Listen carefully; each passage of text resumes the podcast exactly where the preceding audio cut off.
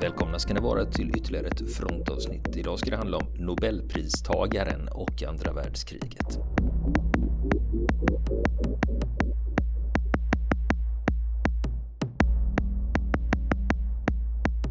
Ja du Niklas, Heinrich Böll fick vi ju stifta lite bekantskap med förra veckan. Jajamän, så var det ju. Förra veckan åkte vi tåg med Heinrich Böll.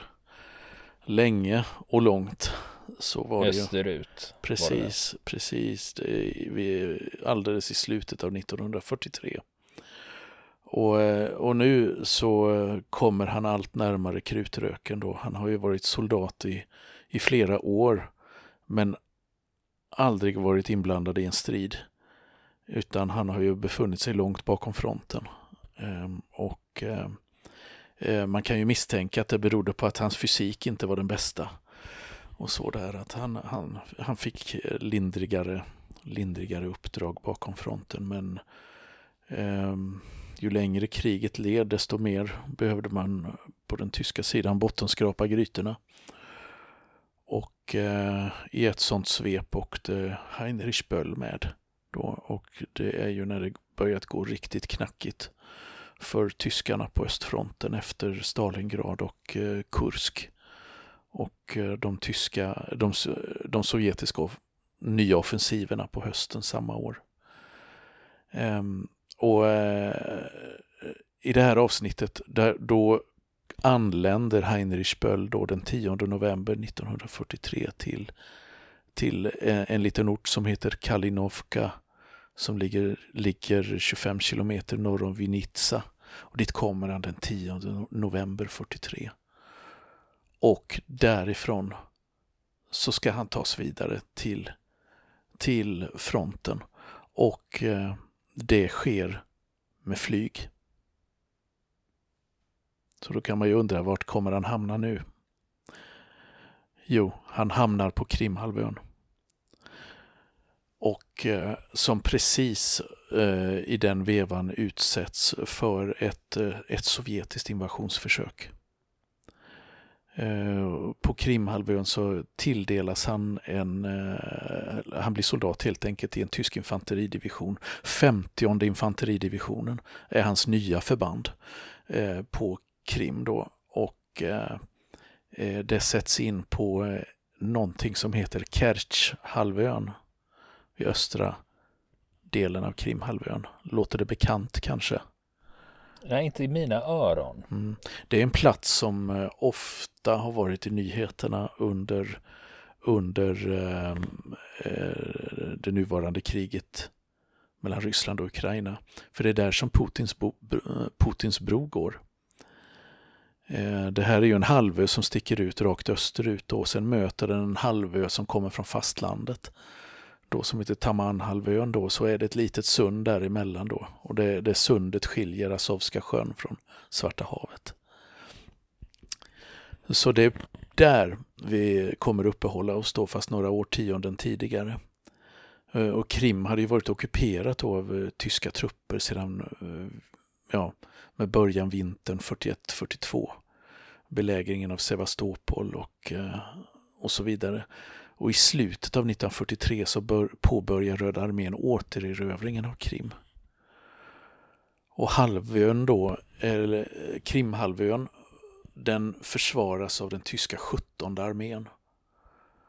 Ehm, och då finns det ju två viktiga, eh, viktiga, extra viktiga ställen att försvara på Krimhalvön. Och det ena är ju eh, landförbindelsen vid Perekop som är eh, ganska ganska lättförsvarad för att det är, eh, är mycket våtmarker och vattendrag och smala landtungor och så vidare som gör att det, det, är inte så många ställen som man kan rycka fram på för den som vill, den som vill ta sig ut på Krimhalvön från fastlandet.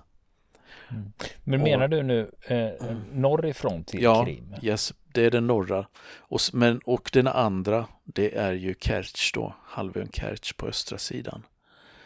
Eh, och det är just vid Kertj då som det blir den stora brännpunkten i slutet av 1943. Um, ehm, och det är ju en skådeplats för idag ganska bortglömda strider kan man säga. Just då i november 43 så var det oerhört dramatiskt på, eh, på Kertjhalvön. Mm. Eh, Men du, den här aha. förbindelsen som mm. går från Kertj mm. och till Ryssland så att säga eh, österut, mm. fanns den då? Landförbindelse, nej. Nej, nej. Det är Men ju, idag finns det ju en. Ja, ja, det är ju, det är ju Putin som låtit bygga en bro. Innan så fanns ja. det ingen. Det, var en, det har ju varit en, eh, ett sund. Ja, det var det ja. jag tänkte. För när mm. du beskriver de här förbindelserna så tänkte jag, vad fan, den fanns väl inte då? Nej, nej, Eller? det gjorde den inte. Det gjorde ja, den inte. Ursäkta min histori historielöshet i en historisk podd. Jag är synnerligen upprörd. Vi måste prata om det här efteråt. ja, precis. Ska jag skriva över alla aktierna i fronten till dig nu eller? ja, vi kan väl börja med det. precis. Ja. Alltså när hösten 43 börjar, då har tyska trupper trängts tillbaka i Ukraina och bland annat även då eh, till ett brohuvud på andra sidan Kertjsundet på den här andra halvö, halvön som jag pratade om, som på motsatta sidan då, där håller tyska trupper ett litet brohuvud som kallas för kubanbrohuvudet. Och, men i slutet av september 43 så tvingas de tyska trupperna till en evakuering därifrån.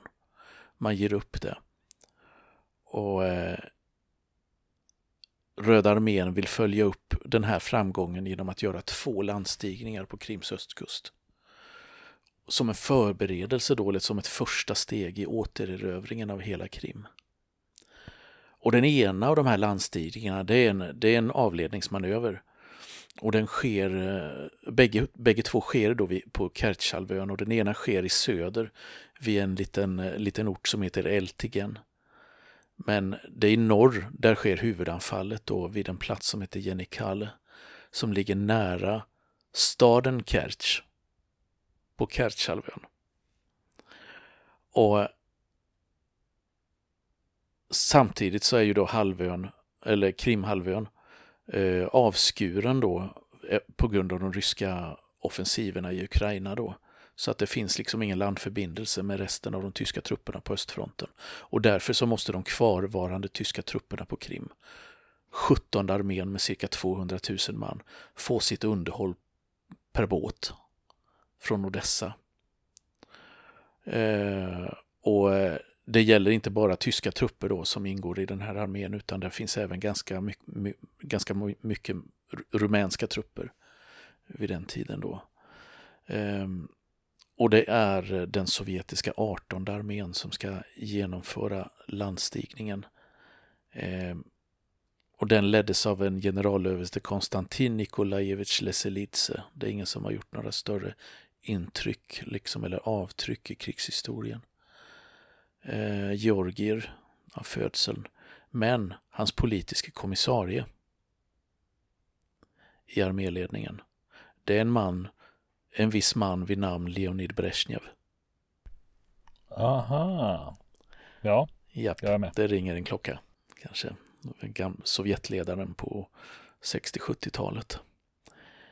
Ehm, och trots dåligt väder och ett stormigt hav som leder till både kaos och förseningar så lyckas ryssarna ändå den 1 november genomföra den här avled avledningsmanövern genom att landsätta en skyttedivision och en batal bataljon marininfanteri vid Eltigen då. Och eh, där de driver bort eh, de rumänska soldater som försvarar den här kustlinjen och upprättar ett litet brohuvud på platsen. Och sen två dagar senare då kommer huvudanfallet. Då landsätts delar av tre skyttedivisioner understödda av artillerield från batterier som är baserade på andra sidan sundet. Eh, och det handlar om drygt, eh, ja, ungefär 4 500 man som landsätts där då. Och de tyska och rumänska försvararna eh, Eh, på det kustavsnittet lyckas inte slå tillbaka det här anfallet. Och under de följande dagarna så landsätter ryssarna nästan 28 000 soldater i det här nyupprättade brohuvudet. Och sånt var alltså läget då när infanterisoldaten Heinrich Böll anlände till Krim.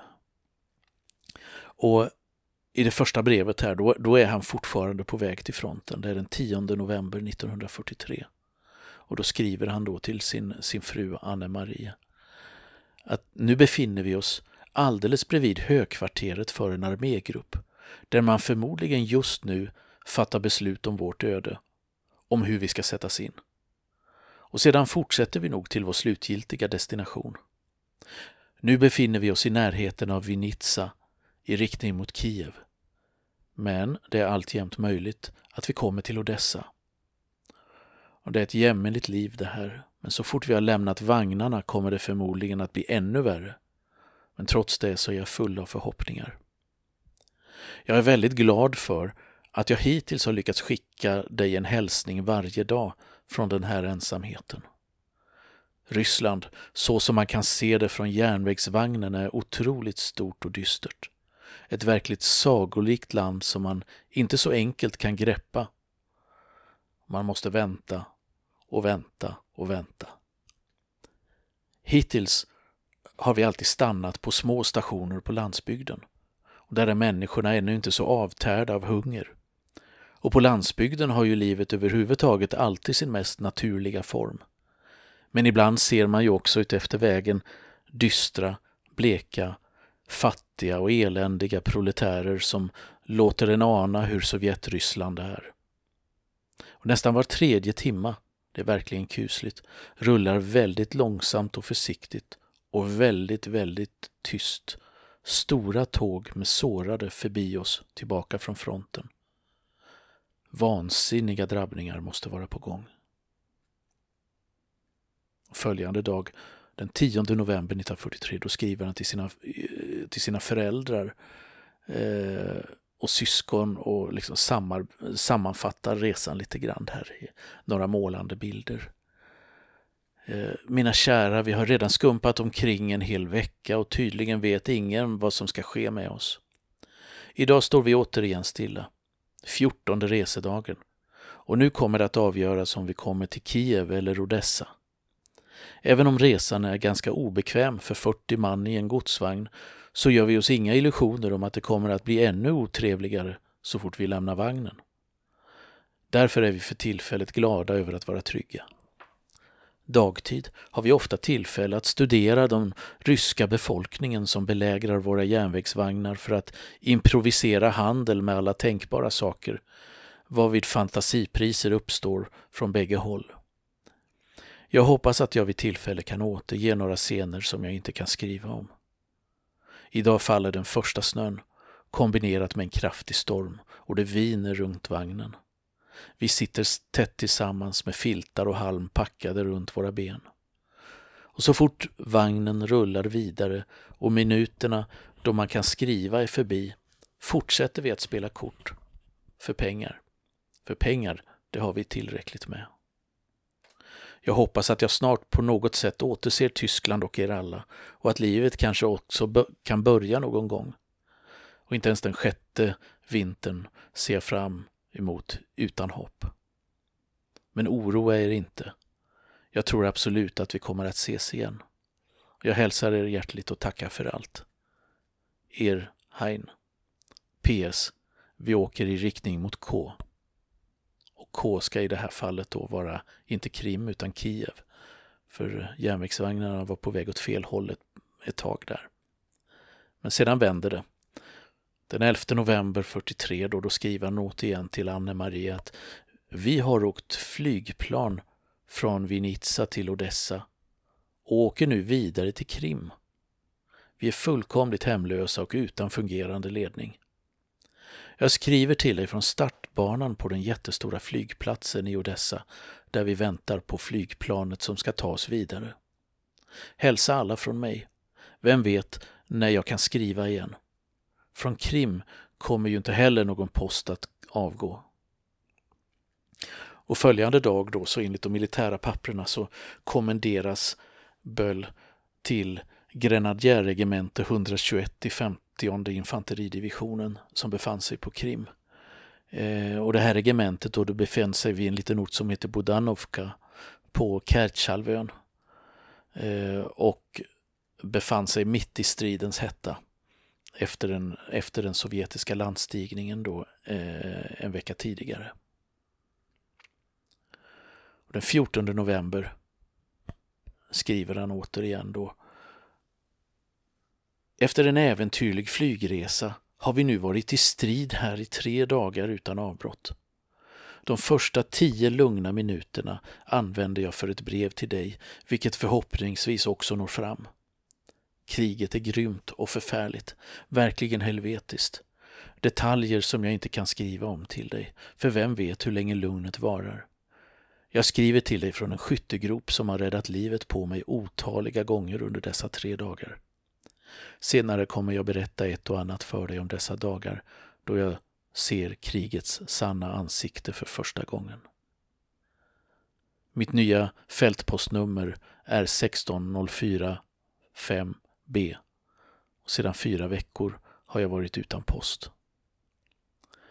Och om man då ska få sig en, liten vag uppfattning om vad han har varit med om under, eh, under eh, Eh, de här första tre dagarna så finns det faktiskt bevarade militära rapporter. Och det här är en rapport från en eh, chefen för en tysk armékår, den armékår då som hans division tillhör, general Karl Almendinger, som, eh, som skriver att vid vid ett anfall i brohuvudet Baxy det var alltså åtta kilometer öster om Bulganak eh, där de sovjetiska trupperna hade, hade landstigit då. Sedan tre timmar på bred front ett anfall med cirka 20 stridsvagnar. Till en början ser det ut som om stridsvagnarna har trängt in i den nordöstra delen av staden Kerch och i Bulganak. Ehm, jag ger order om att hålla försvarslinjen utan hänsyn till stridsvagnar som har brutit igenom. Eh, Adashim Uchkai, eh, det är en ort som ligger cirka 5 kilometer norr om Kerch, cirka 3 kilometer sydöst om Bulganak, där Böll befinner sig, har gått förlorat. Motståndaren sätter under dagens lopp eh, in nya anfall från eh, brohuvudet och eh, har eh, tryckt tillbaka de tyska styrkorna till linjen Kerts utkanter, sydöstra utkanten av Bulganak, höjd 133,3. Och i nästa dags meddelanden eh, så skriver eh, generalen att sedan morgonen så genomför fienden spaningsframstötar med stridsvagnar i synnerhet mot höjd 133,3. Under morgonen avvisas fiendens anfall mot höjd 133,3.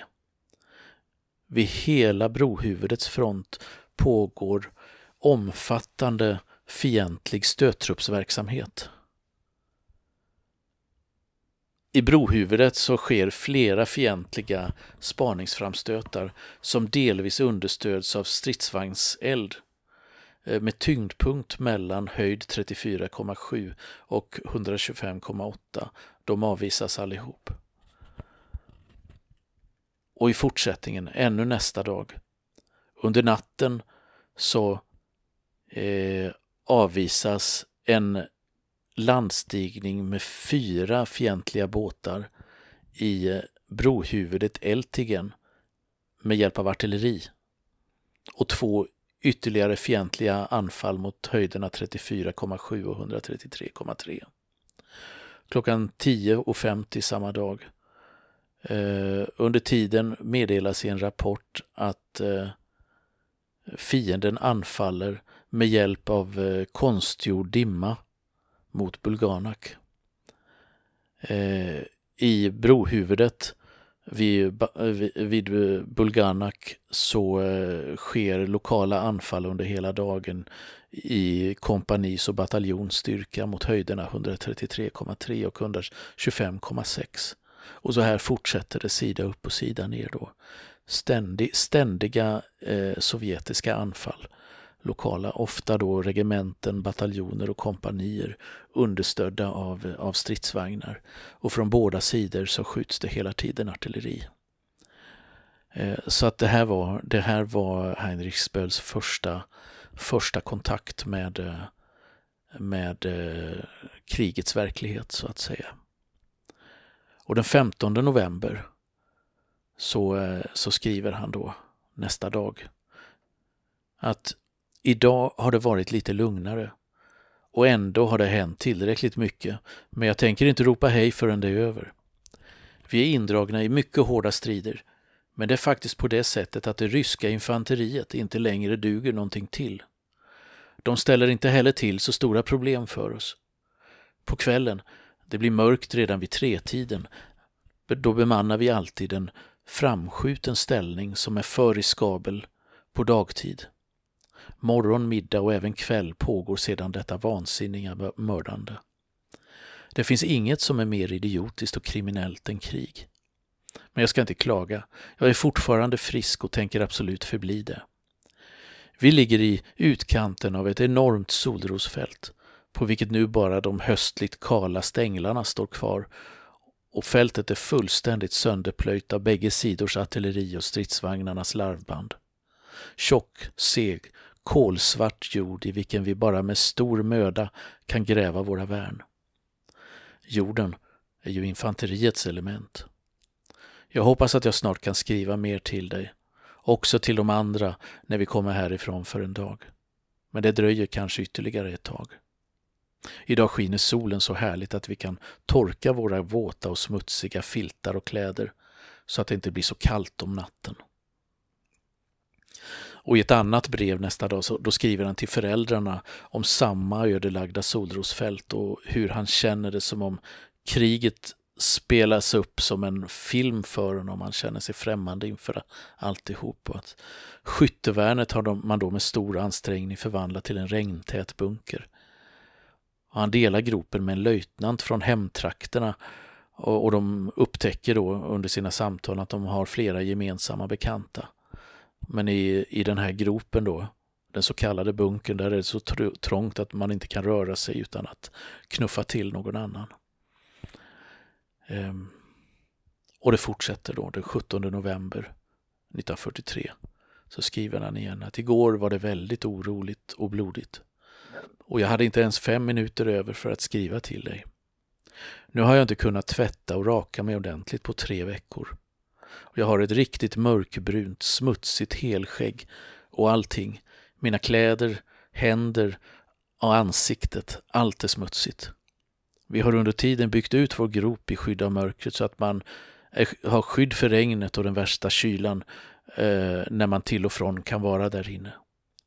Jag hoppas hela tiden på räddning från detta elände. Sen dröjer det två dagar till han hinner skriva nästa brev, den 19 november 1943. Kriget är grymt, ondskefullt och fasansfullt. Vi kurar ihop oss som djur i våra jordhålor och skyddar oss mot elden som ofta ligger nästan rakt över oss med tunga kalibrar. Somliga minuter av denna fasa har för evigt ristats in i mitt medvetande och jag kommer aldrig glömma bort att göra dem till min måttstock. Det är gåtfullt sorgligt att mödrar måste skicka ut sina söner i kriget. Det tänker jag när jag pressar mig tätt mot den svarta jorden för att skydda mig från dödens stål. Jag är säker på att inget kommer att drabba mig. Och han hinner skriva ytterligare ett brev samma dag. Lite senare samma dag. Och där skriver han då att vi har ryckt fram en liten bit och befinner oss i en före detta luftvärnsställning. Bunkrarna är varma och regntäta men trånga och smutsiga. Och det sistnämnda har ju redan blivit en vana. Där hittade jag också den här boken vars försättsblad jag nu använder som brevpapper. Mirakulöst nog är jag fortfarande helt frisk så när som på några små splitterskråmor på händer och fötter. Imorgon eller övermorgon ska vi få vila en eller två dagar efter tio dagars oavbruten strid. Av kamraterna som kom tillsammans med mig från Frankrike har somliga redan stupat eller blivit svårt sårade. Hälsa alla hjärtligt från mig, även Theo, vars krigsskådeplatser jag nu beträder med mina eländiga fötter.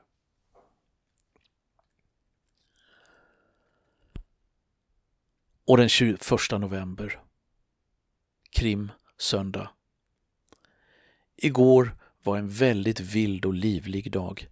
Kanske kan du läsa om det i Wehrmachts officiella kommuniké. Allt gick väl. Trötta är vi alla, så outsägligt trötta att vi om natten till och med är på väg att somna under bar himmel i den starkaste kyla. Och så fruktansvärt smutsiga att det nästan är som en sjukdom. Helt nerskitade är vi.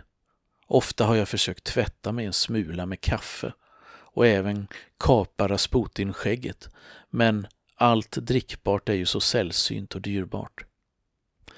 Nu är jag tillsammans med en löjtnant från Nippes.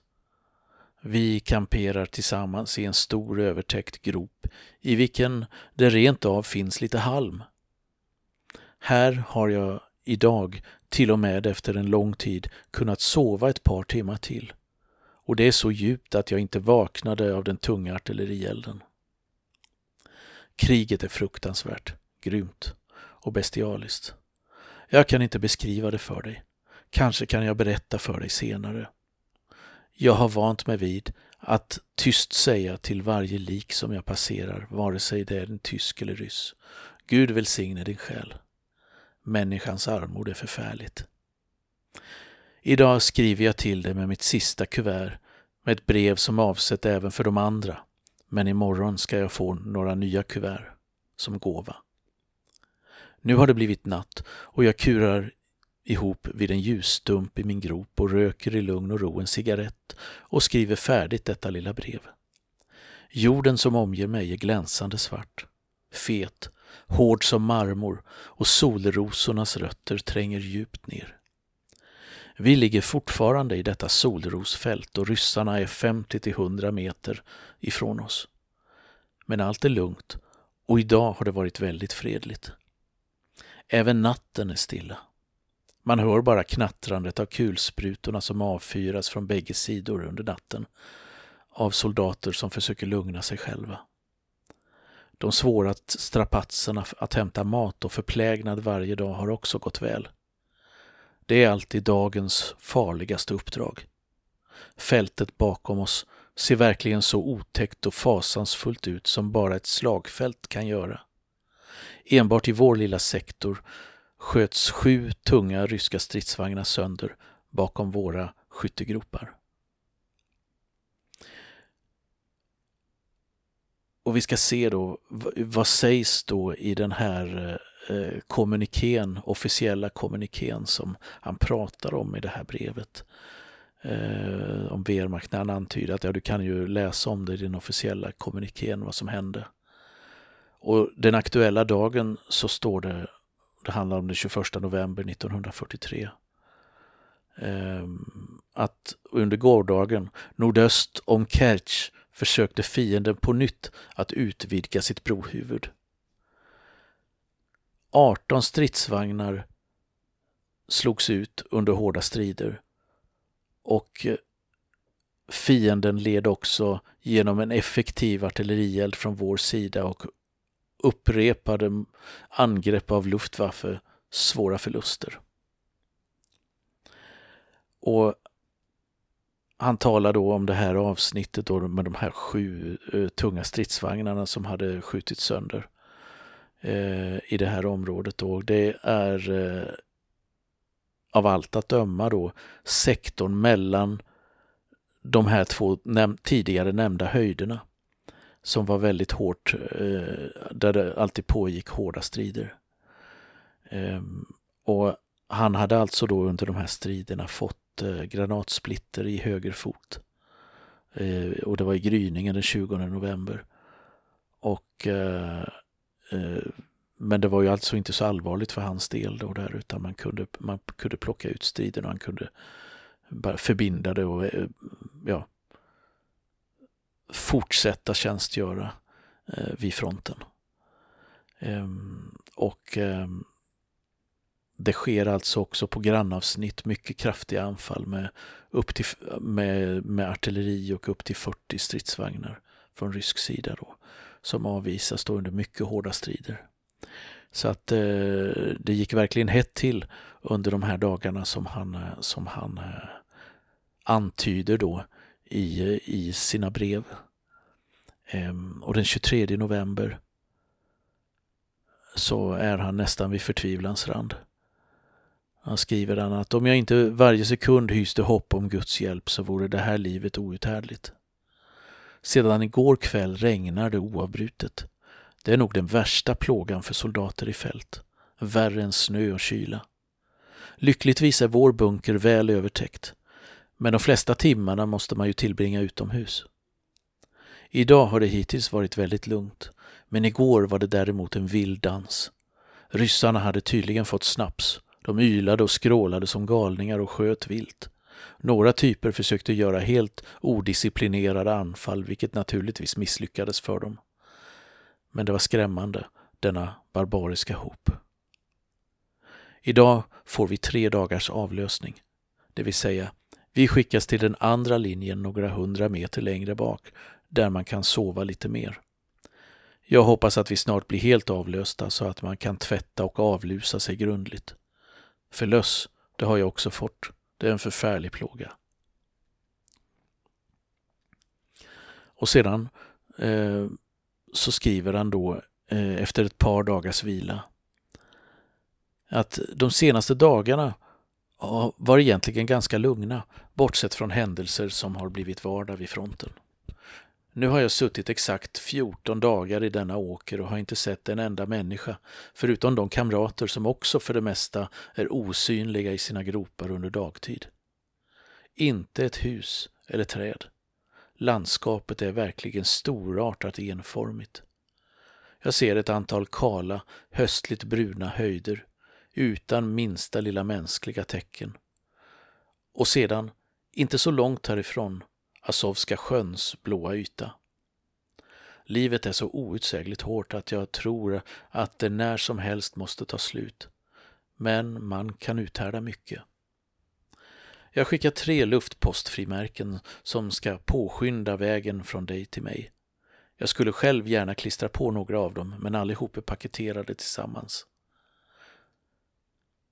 Det börjar redan att skymma igen. Sedan börjar den långa, långa natten som räcker från tre på eftermiddagen till klockan fem i morgon bitti. Kusligt lång och mörk är den ofta, så att jag knappast kan se kamraterna som kurar bredvid mig i gropen. Under den här tiden då så pågick det alltså mycket hårda strider om de bägge sovjetiska brohuvudena. Och eh, det kommer vi att fortsätta följa i, i nästa avsnitt då vi fortsätter skildra Heinrich Bölls första veckor vid östfronten. Det är alltid intressant att få höra eh, ögonvittnesskildringar. Ja, precis. För det här, är, det här är ju vardagslivet som han berättar om. Det, det, är inte så mycket om detaljerna om själva striderna, men man får ju ändå en väldigt god bild av, av hur, hur eländigt det var att ligga i en grop på, på Krim när det snart är jul och, eh, och var utsatt för hård beskjutning.